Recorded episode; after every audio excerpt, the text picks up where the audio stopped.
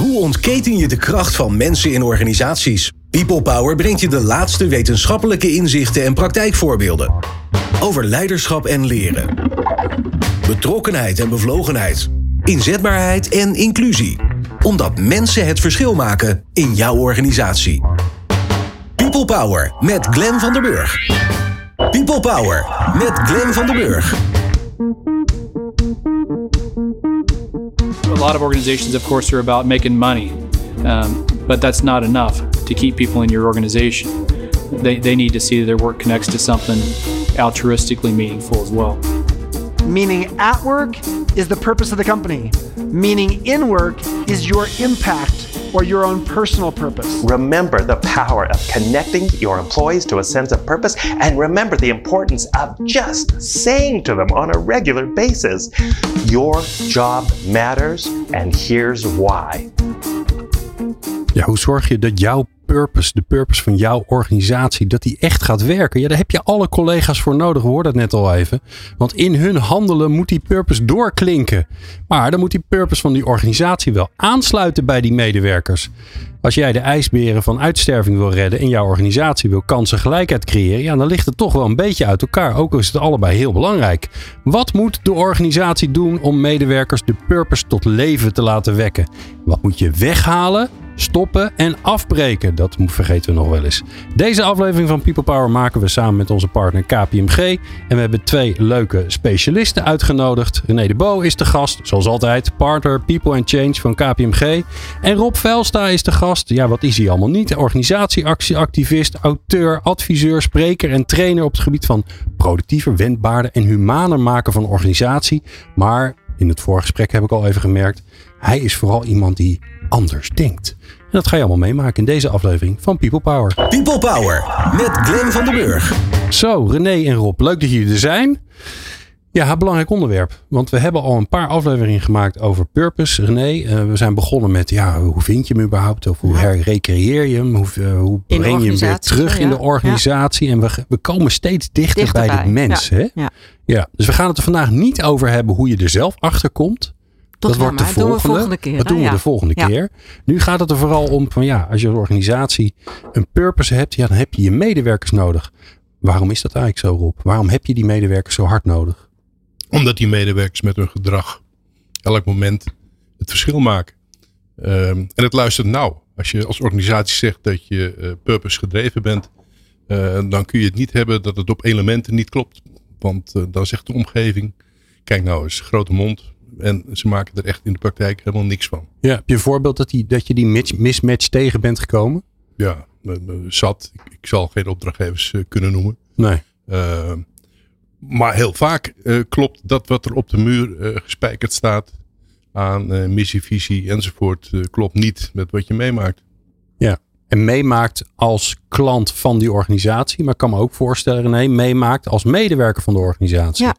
want er staan al heel vaak allerlei prachtige spreuken op de muur. Innovatief. Ja, open. Ja, en dan moet je door allerlei eh, procedures om je nieuwe ideeën te kunnen verkopen. Hè? Dus uh, ja, dat, kan dan ook een spanning zijn. Dat klinkt toch niet echt alsof dat heel erg, heel erg op elkaar afgestemd is. Of als consultant, dat je ergens voor de eerste keer binnenkomt. En dan eerst door een hele veiligheidsprocedure heen moet. En zelfs meegemaakt dat je dan een, een test succesvol moet uh, afronden voordat je door die poort kunt. Ja. En naar je opdrachtgever. Uh, ja, ik heb dat ook bij een klant van mij inderdaad. En, dan was de waarde gastvrij. Ja, of, ja uh, ik bedoel zeker. Vertrouwen. ja. Gastvrijheid in dit geval niet. Maar weet je, een van de waarden die voor mij heel erg centraal staat bij alles wat ik doe, is of het klopt. Of het deugt. Het heeft ook te maken met rechtvaardigheid. klopt het? En uh, als het niet klopt, ik, ik, denk wel eens, ik heb liever een, een, een strak hiërarchisch georiënteerd bedrijf waar uh, de, de benadering in lijn is met wat ik dan verwacht. Ja. Dan een bedrijf die van alles suggereert, maar in de praktijk er echt helemaal niets van waarmaakt. Is dat ook een beetje het gevaar, nee, dat, dat, dat, dat purpose, dat is een soort hype woord aan het worden en iedereen is ermee bezig.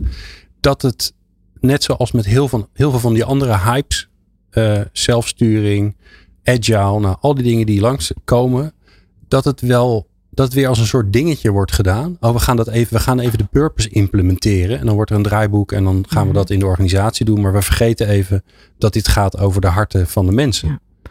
Ik vind het ergens wel een ingewikkelde vraag. Want uh, het antwoord kan zijn: ja, het kan zeker weer een dingetje zijn. Uh, tegelijkertijd denk ik dat als je terugkijkt over de afgelopen jaren, dan is purpose er ook altijd geweest. Misschien noemden we het eerst uh, missie, Visie, uh, persoonlijke betekenis. Dus ik denk dat nu de wording en het taalgebruik en hoe het zich ook verbindt met duurzaamheid, dat het daarom weer hoger op de agenda staat. En het gevaar is absoluut dat we het dan gaan implementeren. Je zei in je introductie ook al van ja, hoe zorg je dat de purpose van de organisatie aansluit bij die van de mensen? Volgens mij is het andersom en moeten we veel meer kijken naar organisaties als levende systemen waar mensen bij elkaar komen en zich tot elkaar verhouden en uh, de betekenisvolle dialogen met elkaar aangaan. Te kijken van ja, waar, waar staan wij hier toe opgesteld in deze organisatie? En hoe kunnen we dat samen het beste doen? En hoe sluit dat aan bij waar jij eigenlijk iedere dag heel graag je bed voor uitkomt? Ja.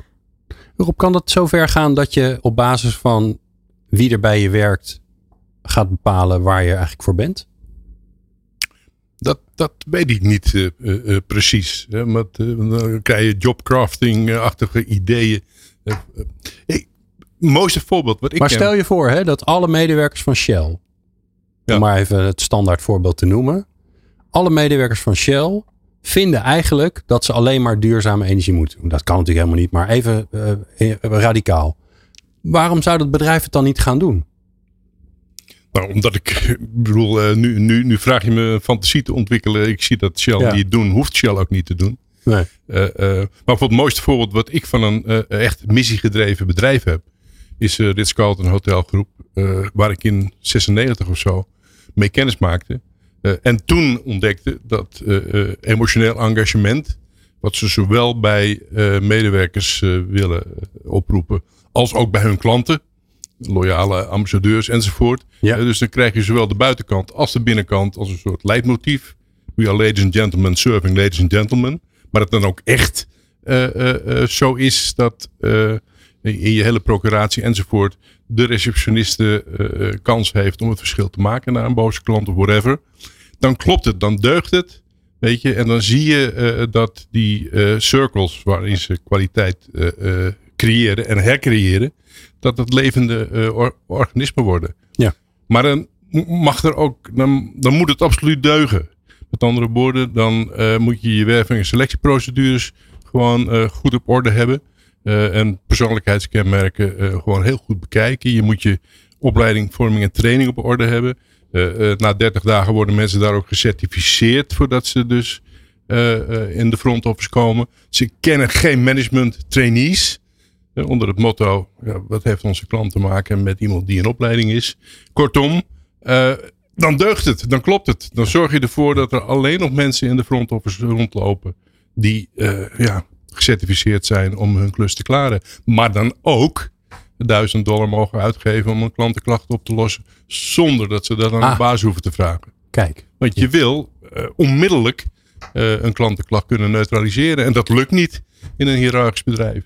En waarschijnlijk, Rob, komen daar dan ook de mensen op af, zeg maar, die zich aangetrokken voelen te, tot zo'n purpose en zo'n cultuur. Dus in die zin vind ik jouw gedachte-experiment van Shell wel interessant. Want ik denk inderdaad dat het bedrijf verandert niet zijn purpose. Hè? Als we echt zeggen dat organisaties uh, levende systemen zijn van mensen bij elkaar, dat als iedereen in dat systeem denkt wij kunnen alleen nog maar of wij willen alleen nog maar duurzame energie gaan produceren, dan zal hoe dan ook op een gegeven moment die uh, bocht genomen worden. En, dat, en dat op een, op een bepaalde manier die in de procedures die we met elkaar in die organisatie hebben afgesproken, zullen die stappen gemaakt worden. Maar ik denk dat daarom op dit moment purpose ook zo belangrijk is. Dat mensen zich steeds meer beseffen dat, het, uh, hè, dat we een verantwoordelijkheid hebben naar de toekomst toe. En dat we op een duurzamere manier met onze aarde, maar ook met onze medemens moeten omgaan. Dus wel degelijk beïnvloedt volgens mij persoonlijke purpose de richting van een organisatie. Zij het uh, langzaam.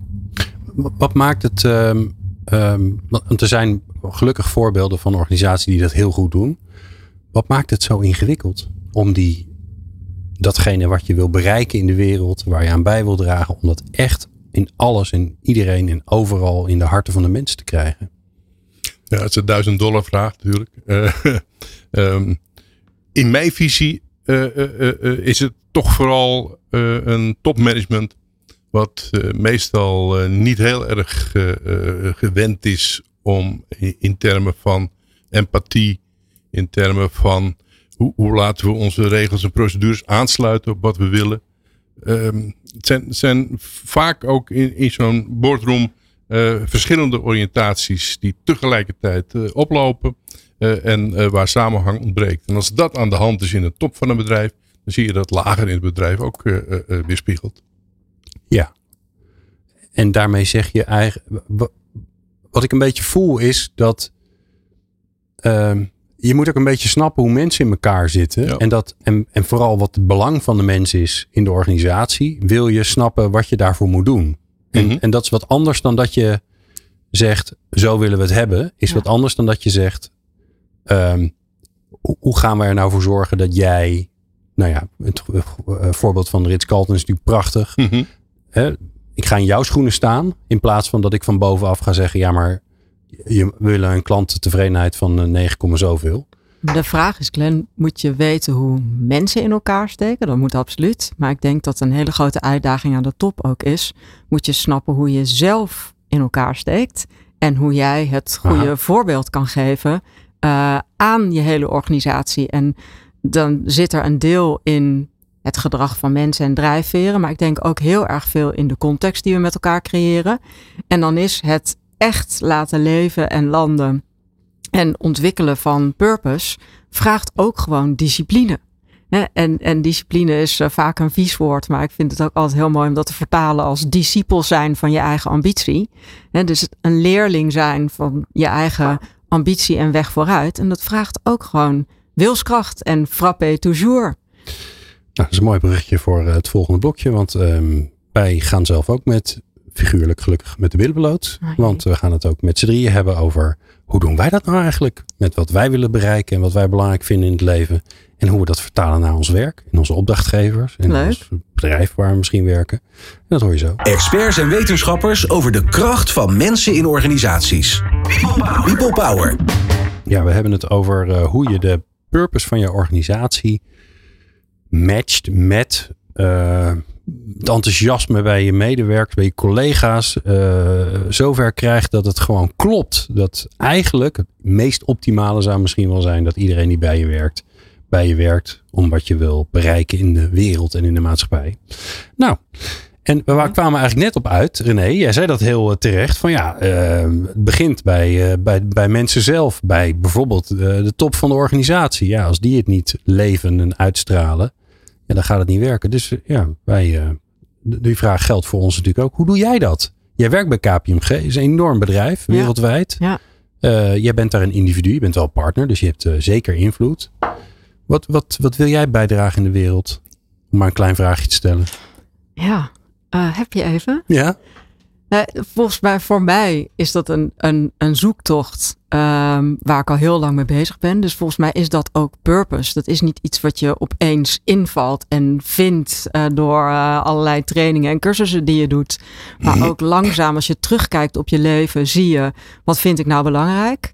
En ik kan me wel herinneren, zeg maar, ik heb een aantal momenten in mijn leven echt gezocht naar die purpose. En eh, onder andere daar ook eh, Rob leren kennen. Een mooie eh, training gedaan waar hij ook veel over kan vertellen, denk ik zo meteen. En de rode draad is voor mij mensen helpen in de context van organisaties om die organisatie beter te laten functioneren en presteren, maar die mensen ook. En om ze eigenlijk die dingen aan te reiken om het beste uit het leven te halen. Want ik geloof niet dat er zoiets is als leven versus werk. Hè? Dus een organisatie, ik en een privé-ik. Maar we hebben nou eenmaal één leven. En hoe zet ik dat eh, Ja. het beste in? Ja. En daar help ik graag eh, mensen bij. En hoe doe je dat bij KPMG? Want KPMG is ook een, zeg maar even als buitenstaander, een ehm, respectabele, formele, ehm, zeer betrouwbare organisatie. Hè, jullie, er zijn steeds meer sneakers en spijkerbroeken bij jullie, maar er zijn ook wel een hoop pakken. Um, maar ook in een pak kan je prima andere ja, mensen ja. helpen. Hoor. Nee, zeker. Maar ik kan me voorstellen dat er, dat er ook wel eens ja, een soort van discrepantie is tussen wat, ja, waar KPMG voor staat als organisatie en waar jij voor staat. Dat jij net even wat persoonlijker of menselijker wil dan dat de organisatie dat zou doen. Of zeg je, nou, dat gebeurt helemaal niet. Perfect match. Nou, um, dat gebeurt steeds minder sowieso. Als ik kijk naar. Uh, ik heb niet voor niets dit vakgebied ook gekozen. Hè. Dus een team waar ik in zit, uh, daar kan ik helemaal, uh, denk ik, mijn purpose goed kwijt. En je ziet ook dat binnen KPMG, hè, we hebben het al eens over gehad, wat is onze purpose als organisatie? Inspire confidence en empower change. Ja, dat resoneert echt prima of naadloos eigenlijk met die van mij. Ja. En wat ik juist mooi vind in een professionele organisatie als die van ons, dat je dus allemaal veel al jonge mensen zeker ook kan helpen zich te ontwikkelen in die veranderende uh, maatschappij en kan laten zien van waar ligt nou mijn talent en mijn kracht en hoe kan ik impact maken. Dus nee, die uh, zijn heel vaak uh, goed aligned. Ja. En wat doe je als je tegen iets aanloopt? Hè? Jullie hebben ook afspraken en regels. Ja. En soms zijn die verouderd of kloppen ze niet meer. Wat doe je als je tegen iets aanloopt en denkt, ja, maar dit past niet bij wat KPMG eigenlijk aan als purpose heeft, maar past zeker niet bij wat, waar ik in geloof? Dat ligt er een beetje aan wat het is. Hè? Maar dus um, ben even op zoek naar een goed voorbeeld. Nou, misschien als ik kijk bijvoorbeeld naar de discussie voor welke klanten willen we werken. Dat, is, dat merk ik, dat actief. We, hadden, we zijn natuurlijk ook een internationale organisatie. En uh, we kregen op een gegeven moment een tijdje geleden een aanvraag voor het begeleiden van een organisatie bij een IT-implementatie. Dat is wat we veel doen. Uh, en dat was een vleesverwerkingsbedrijf. En uh, toen kregen we echt actief de discussie: willen wij dat dan wel? Ja. En um, wat je dan doet, of wat ik dan doe, is vooral het gesprek te overvoeren met de mensen in mijn team. Niet zomaar zeggen, ja, dat doen we wel, want daar kunnen we geld mee verdienen. Maar echt kijken van wat is daar dan de consequentie van? Waarom willen we het wel of waarom willen we het niet? En dan maak je zo samen een afgewogen keuze. Of dan zegt iemand van, nou, ik vind het eigenlijk uh, uh, wel heel leuk om te doen. Of uh, ik kan dat prima rijmen. Want het is juist dat ze willen veranderen en duurzamer willen worden. En daar kunnen we ze bij helpen. Ja. Maar het gaat denk ik vooral dat je het expliciet maakt met elkaar. En dan bespreekbaar hm. maakt. En dat er dus blijkbaar ruimte is om dat te doen. Ja, absoluut. En dat mensen dat voelen. want Zeker. Jij moet ook signalen krijgen dat je denkt, ja. oh, blijkbaar is, is dit gevoelig, leeft ja. dit. Ja. Rob? Nou, ik denk dat de ruimte om uh, hierin je eigen innerlijke regels te, te volgen groter is dan de meeste mensen denken. Ik uh, herinner me mijn chefschap binnen de toenmalige postbank. Waar ik uh, als chef ook werd gedwongen om bijvoorbeeld functioneringsgesprekken, beoordelingsgesprekken en meer van dat soort Ja, ik zie dat je er heel erg in gelooft. Ja, toen al niet. Mijn baas uh, overigens zei van, doe niet zo moeilijk op. Ja, hoort erbij. Geef HR die, die, die bloody formulieren, hoort ja, erbij. Corvée. En toch heb ik dat niet gedaan. Want ik, ik voelde dat dat een soort leugen is. Het is een leugen uh, met mijn eigen diepste weten. Het is ook een leugen met wat op de muur wel stond. Namelijk onze mensen zijn onze voornaamste asset. Uh, en ik had die leugen zelf ervaren. Want mijn baas had ook, omdat het moest, zo'n gesprek met mij gevoerd. En ik voelde op voorhand al dat hij daar met zijn hart niet achter zat. Dus wat ik, wat ik deed was uh, uh, op de verjaardag van de medewerkers. Uh, ze zijn zelden met z'n allen jarig op dezelfde dag. Dus dat geeft Die ook enige, klein, ja. enige, individuele aandacht. En dan hadden we het gewoon over de vraag: vind jij er nog wat aan? Vind ik er nog wat aan? En wat ah. kunnen we doen om jou nog fit for fight te maken en te houden? Dat was gewoon een verjaardagsgesprekje. Een verjaardagsgesprekje met een, een stukje verslaggeving van de medewerkers zelf. En taart natuurlijk. En, en ja. taart, en dat leverde ik in. Ja. Grote ruzie met de systeemhouders. Ja, dat kan natuurlijk niet erop. Dat kan niet. En als nee. we zo gaan beginnen, als we het allemaal doen. Ja. Ik zeg nou, het wordt tijd dat we allemaal ons gezond verstand gebruiken. Uh, en ik, ik heb veel meer van dat soort botsingen met uh, financiële systemen gehad en HR-systemen. Maar het begint dus, zeg jij, bij een soort gevoel in je buik dat je denkt, mm, nee. Het klopt niet. Dit klopt gewoon niet. Nee, het deugt niet. Ja. Ik, ik kan toch niet tegen een uh, vakgenoot met ongeveer vergelijkbare opleiding kan ik gewoon eens in de zoveel tijd net doen alsof ik voor hem het klusje uh, uh, doe, hem beoordeel, haar beoordeel. Dat kan toch niet? Klopt niet. Bovendien, ik wil emotioneel engagement. Ja. Dus hoe krijg je emotioneel engagement wat je voor iemand uh, uh, voorschrijft, dat krijg je never nooit voor elkaar. Ja. Maar er is, dat is de paradox van grote bedrijven. Er is zo ongelooflijk veel ruimte ook om als je het lef hebt, om dan tegen hoofd HR te zeggen Ja. van joh, niet meteen vertanden. Maar ik ga het niet doen. Ik verzin een list. Ik maak een alternatief. En zo ga ik het doen. Ja, maar jij zegt die ruimte is er wel. Maar is het lef er dan ook? Kom je dat ook veel tegen? Of ja, hobbelt iedereen toch een beetje mee in de pas van ja, zo doen we dat nou eenmaal? Eerlijk gezegd is uh, uh, moed, uh, lef, enkelvoud van leven overigens, is dat het ontbreekt. Ja. maar ook een van de redenen dat heel veel veranderingen in het proces uiteindelijk in de soep lopen. want iemand kiest nou voor de makkelijkste weg, wat niet per se de weg is om te gaan. Ja. Het is wel grappig, ja. Ik weet dat jaren geleden zag ik ooit een. Um, was geen TED-talk, was een soort talk van Gary Hamel. En die, had, die begon zijn talk met. Ja, wat is nou de beste uitvinding van de afgelopen honderd jaar? En dat hij allemaal voorbeelden, halfgeleiders en uh, nou, penicilline en weet ik wat. Hij zei, nou, volgens mij is de beste uitvinding is management geweest. Hè? Want dat heeft ervoor gezorgd dat we op hele grote schaal allerlei dingen voor elkaar hebben gekregen. Maar, zei hij, het wordt wel tijd dat we management opnieuw, en management noemde hij natuurlijk de besturing van bedrijven, dat we management opnieuw gaan uitvinden. En toen dacht ik, zo had ik eigenlijk nog nooit naar gekeken. We hebben dat natuurlijk ooit bedacht. Ja. Het is niet, het is geen... Is geen natuurwet, het is niet de zwaartekracht, het is niet de wind. Het is gewoon bedacht door ons. Ja. Dus je kunt ook wat anders bedenken. Ja.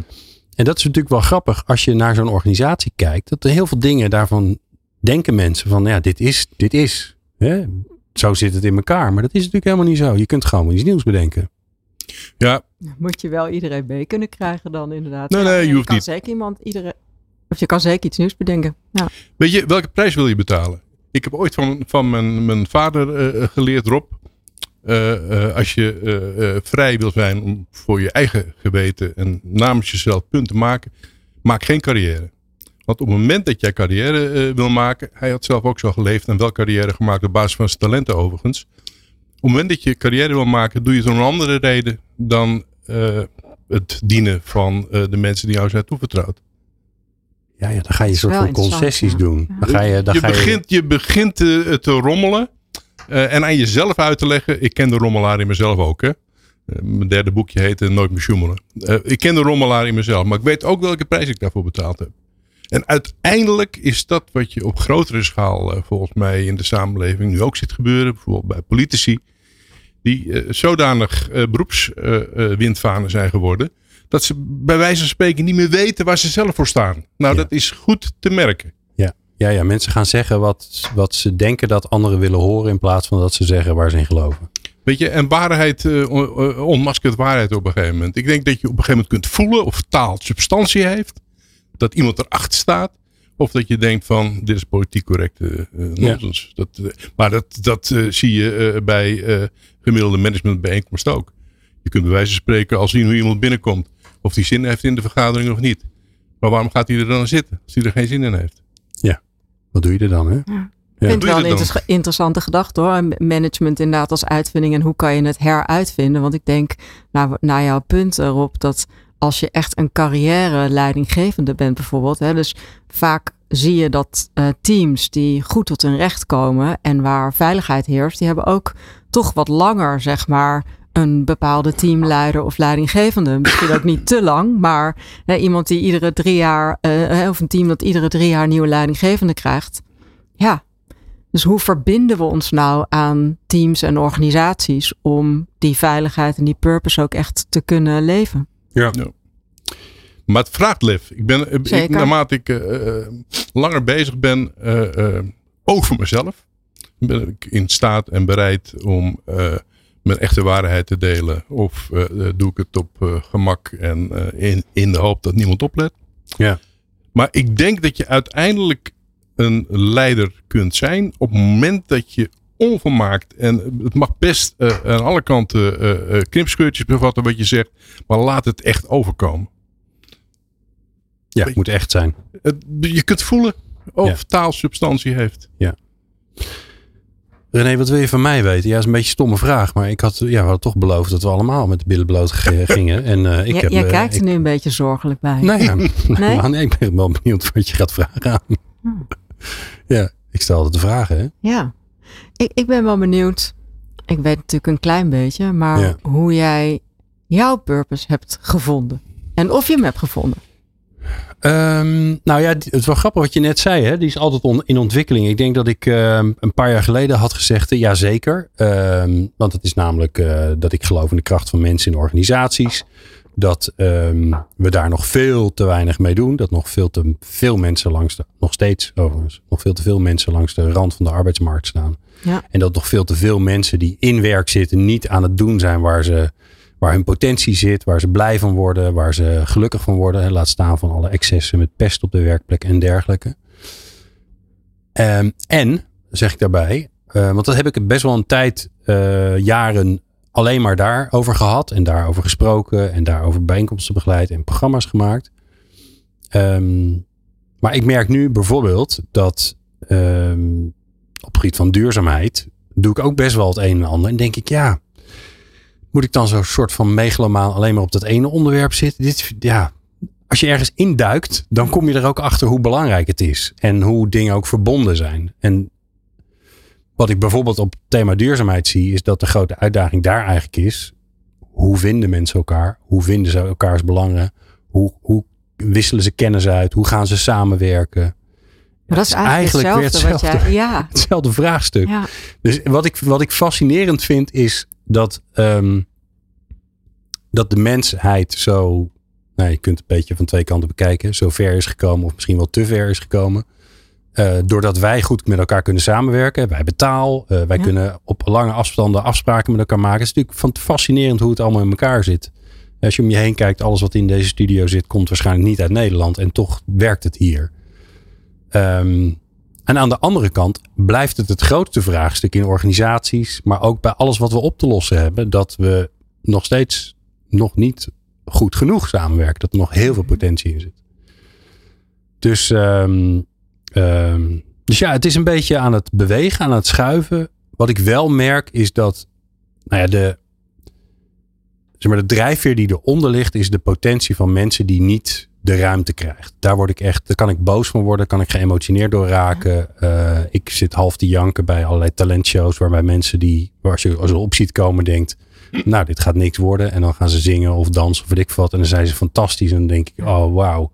Ja. Dan, dan krijg ik natte oogjes. Dan dat hebben we toch iets, een van mijn hobby's. Ja. ja. hebben we iets moois gemeen. ja. Maar dat vind ik ook wel eh, interessant wat je zegt. Want eh, je zegt mijn purpose is een beetje aan het veranderen. En toch zit er een rode draad in. Hè? Er zit daar een, een, eh, ik denk dat het ook vaak zo is dat anderen heel goed kunnen zien wat jouw eh, purpose is. Of hoe je die leeft. Hmm. En dat het ook heel erg interessant kan zijn om aan andere mensen te vragen. Wat zie je mij nou eigenlijk? doen? Ja. Wat, wat, wat, wat, ja, wat is nou mijn... plek of mijn toegevoegde waarde of waar zie je mij nou warm voor lopen? Zeker, ja. Ja, nou ja, het is wel grappig. eh, Ik heb het volgens mij met jou ook over gehad. Eh, ik ben al een paar maanden onrustig. En eh, dat betekent dat er iets aan zit te komen. Vroeger ging ik dan gelijk het roer omgooien. En tegenwoordig ben ik wat ouder en denk ik, oh, ik ben onrustig. Er komt wat aan. Rustig aan, met mensen over praten. En het leuke is, dan kom je achter dingen. Dan kom, hè, ik ben er de afgelopen maanden achter gekomen dat ik moet iets maken. Ik ben gewoon een bouwer, daar word ik blij van. En ik moet nieuwsgierig zijn. En als ik niet meer kan maken of niet meer nieuwsgierig ben, ja, dan, dan vind ik er niet zoveel aan. Ja. Ook al draagt het enorm bij bij mijn purpose, moet het wel. Ja, ik, ga, ik, ik kan ook hele mooie beleidsdocumenten eh, bij het ministerie gaan schrijven, maar daar ga ik niet gelukkig van worden. Ook al draagt het bij aan mijn purpose.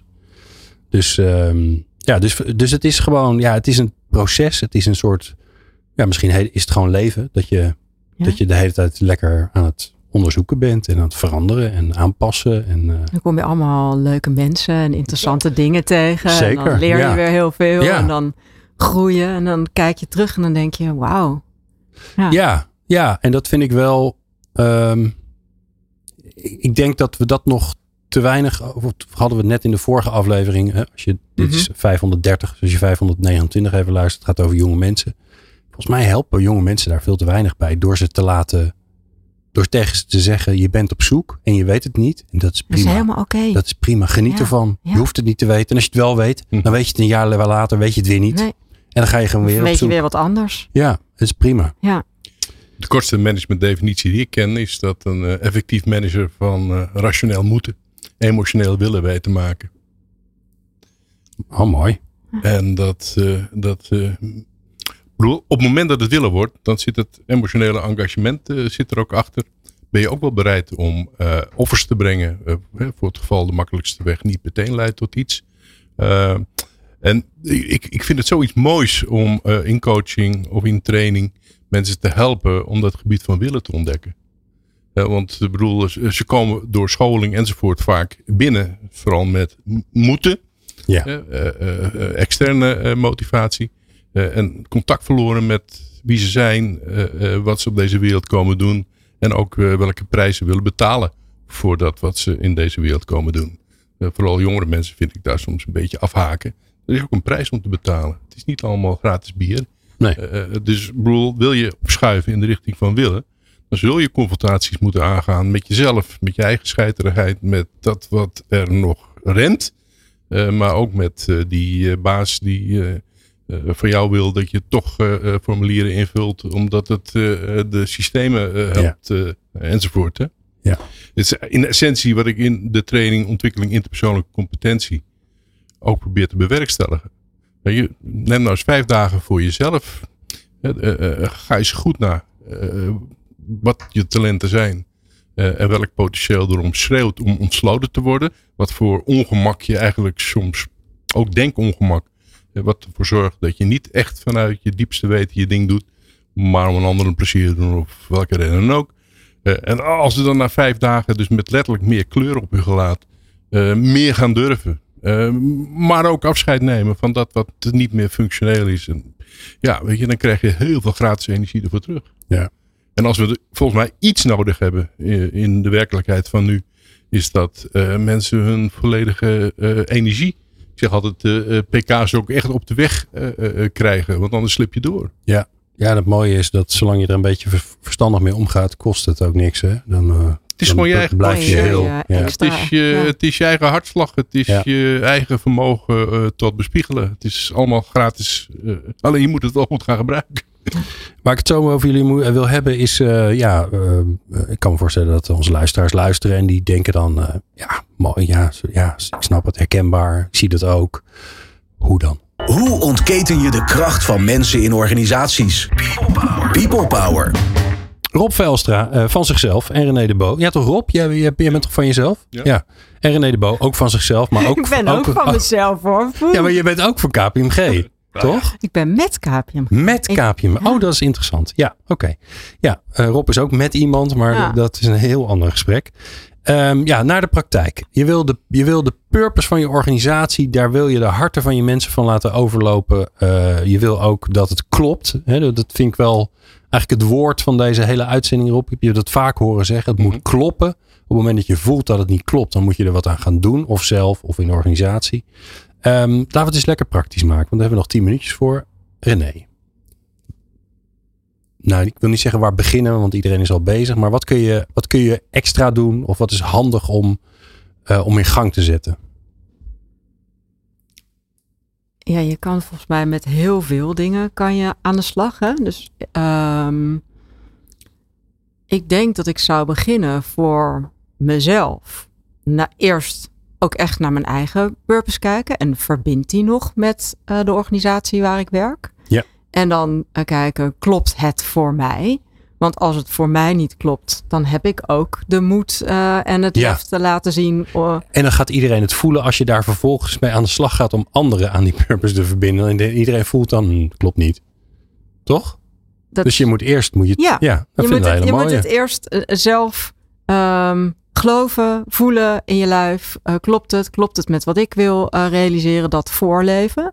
Maar ik denk dat je ook een hele belangrijke stap met elkaar kan maken om te zeggen van oké, als wij dit echt willen en wij geloven allemaal in de purpose van uh, deze organisatie, nog even ongeacht wat je eigen purpose is, laten we hem dan eens vastpakken en gewoon alles uh, tegen het licht houden wat we doen en zeggen, klopt dit dan met die purpose? Ah, ja. Je gaat eigenlijk, Rob, je gaat eigenlijk bij alles voelen of het klopt. Ja. Dus niet, je gaat niet uh, documenten schrijven, maar je gaat gewoon, eigenlijk moet er een soort er moet een soort signaal zijn terwijl je aan het werk bent. Ja? Zo'n duivensreclame. Ja, hè? een soort belletje of Ja. zo. Dat je zegt, hé, hey, wacht even jongens. Even, we moeten even Ja. nu, wat- er gebeurt iets raars hier. Nee, maar het eh, skippen van onvruchtbare gewoontes, eh, lees gewoontes die niet in het verlengde liggen van doelstelling van je bedrijf, geeft giga veel eh, eh, eh, tijd en ruimte om dingen te doen waar je wel in gelooft. Ja. Het, eh, de, de, de simpele maatregel die ik toen eh, mee hielp invoeren, van elk beleidstuk mag niet langer dan drie A4'tjes zijn. En dan moet dan ook nog een samenvatting bij. Het scheelt ontzettend veel eh, tijd in dit geval, letterlijk. Ook beleidsfunctionarissen die niet anders deden dan eh 30, 40 pagina's. Want dan is het goed. Want dan is het goed. Allemaal onderbouwd volgens de laatste wetenschappelijke inzichten. Maar senior management die las het echt niet toe. Ja. Dat, dat was voor mij echt eh, eh, een van de doorbraken. Ook weer bij die postbank. eh, ehm, waar de toenmalige algemeen directeur me uitlegde. Dat hij van finance, van marketing, van inkoop. Allemaal van dit soort dikke pakken papier kreeg. Ja. Hij zegt Rob als ik het echt zou lezen. Dan heb ik geen tijd. Kan ik niet meer werken. Dan kan ik niet meer werken. En Rob, hoe, kwam, hoe heb je toen voor elkaar gekregen dat ze ermee ingingen om het maar drie pagina's te maken? Want volgens mij, dit hè, wat wij hier nu Gewoon vertellen. Maar iemand moest dat gewoon gaan doen. Ik ben al die dingen gewoon zelf ook gaan doen. Ja. Eh, weet je, want. eh, en natuurlijk krijg je eh eh en bonen. Want dat was toch ook helemaal niet de bedoeling enzovoort. Maar ik kon het altijd terugvoeren naar. Wat is, wat is dan hier wel de bedoeling? Het bevuilen van zoveel mogelijk papier? Of willen we een minimum aan regels en procedures maximaal gaan toepassen? Wat tegenovergestelde is van het bevuilen van heel veel papier. Ja. En er zit ook heel veel. Als je het therapeutisch bekijkt, zit er ook heel veel twijfelzucht. En eh, behoefte om compleet te zijn, die, die niet helemaal eh, oké is. Ja, en misschien ook verhullen dat je niet een keus wil ma durft te maken Dat, zelf. dat. Standpunt wil innemen. Dat? Ik bedoel, je moet de gemiddelde beleidsnota in een gemeente is gewoon proberen te doorgronden wat er nou echt staat. Ja. Sowieso allemaal zinnen van 36 en meer woorden. Ik bedoel, eh, het eh, vraagt minimaal eh, HBO-opleiding om het te kunnen doorgronden.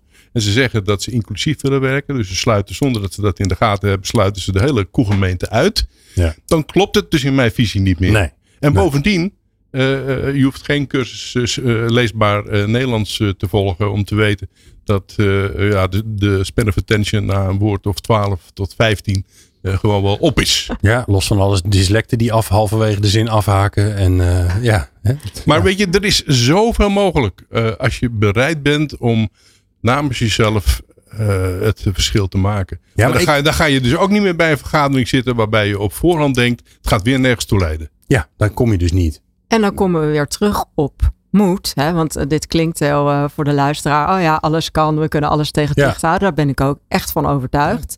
En ik denk dat er heel erg veel ook in context zit. Dus dat het wel inderdaad heel veel moed vraagt. En eerst een soort leidende coalitie van mensen die met jou mee willen doen. Zeker als je in een grote organisatie eh, werkt. Om te kijken van, hey, kunnen we dit samen doen? En kunnen we dan elkaar een beetje helpen? Dat ik niet helemaal alleen in Ja, de wind dat je kom niet te een staan. beetje het is de- ook spannend. Ja, dat je niet een beetje de gekke Henkie. Ja, eh oh god, daar hebben we meer.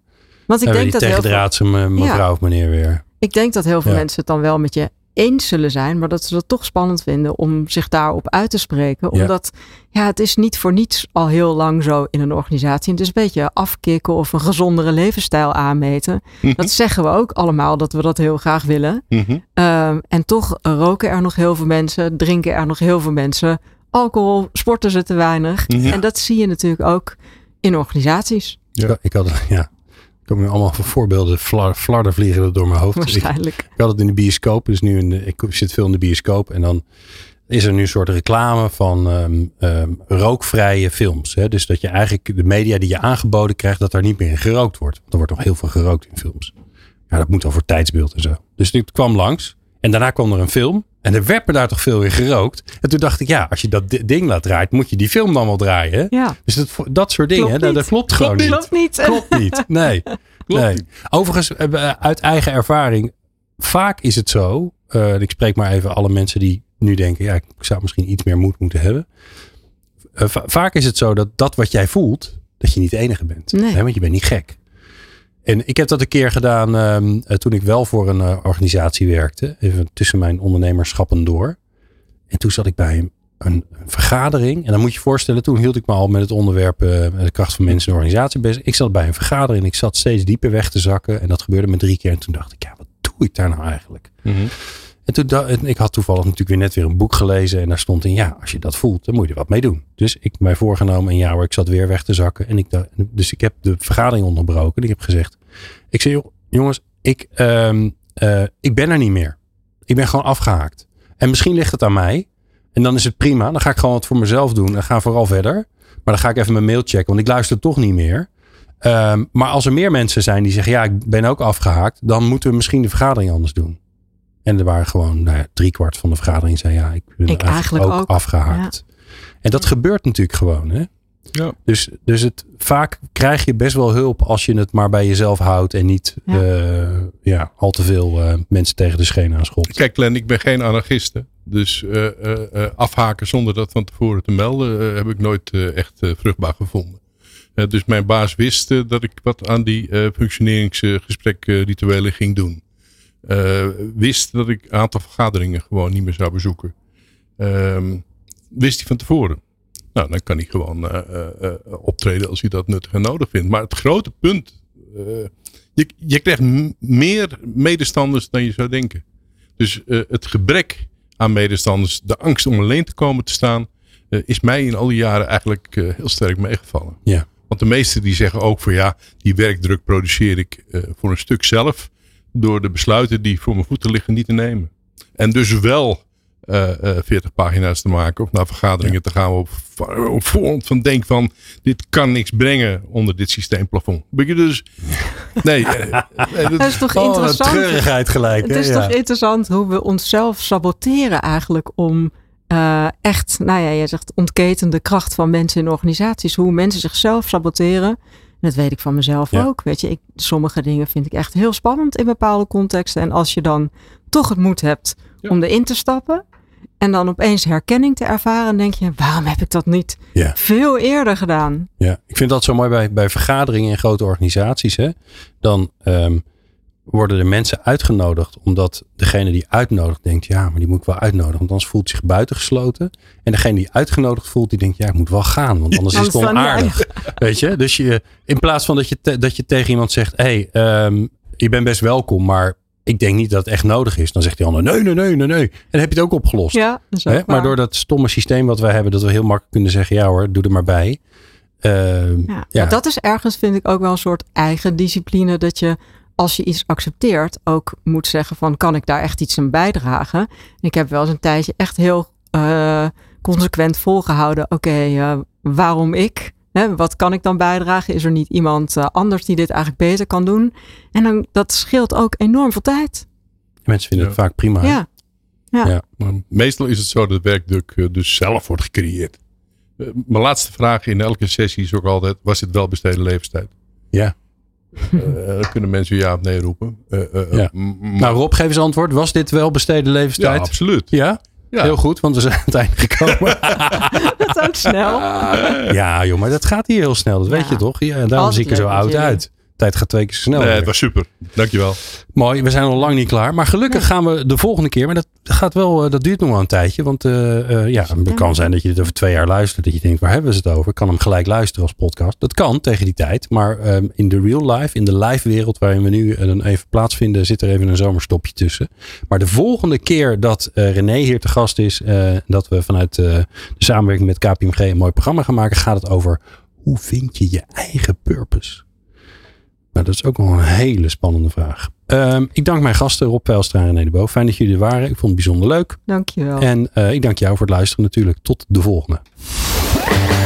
Meer luisteren? Ga naar peoplepower.radio en abonneer je op onze podcast.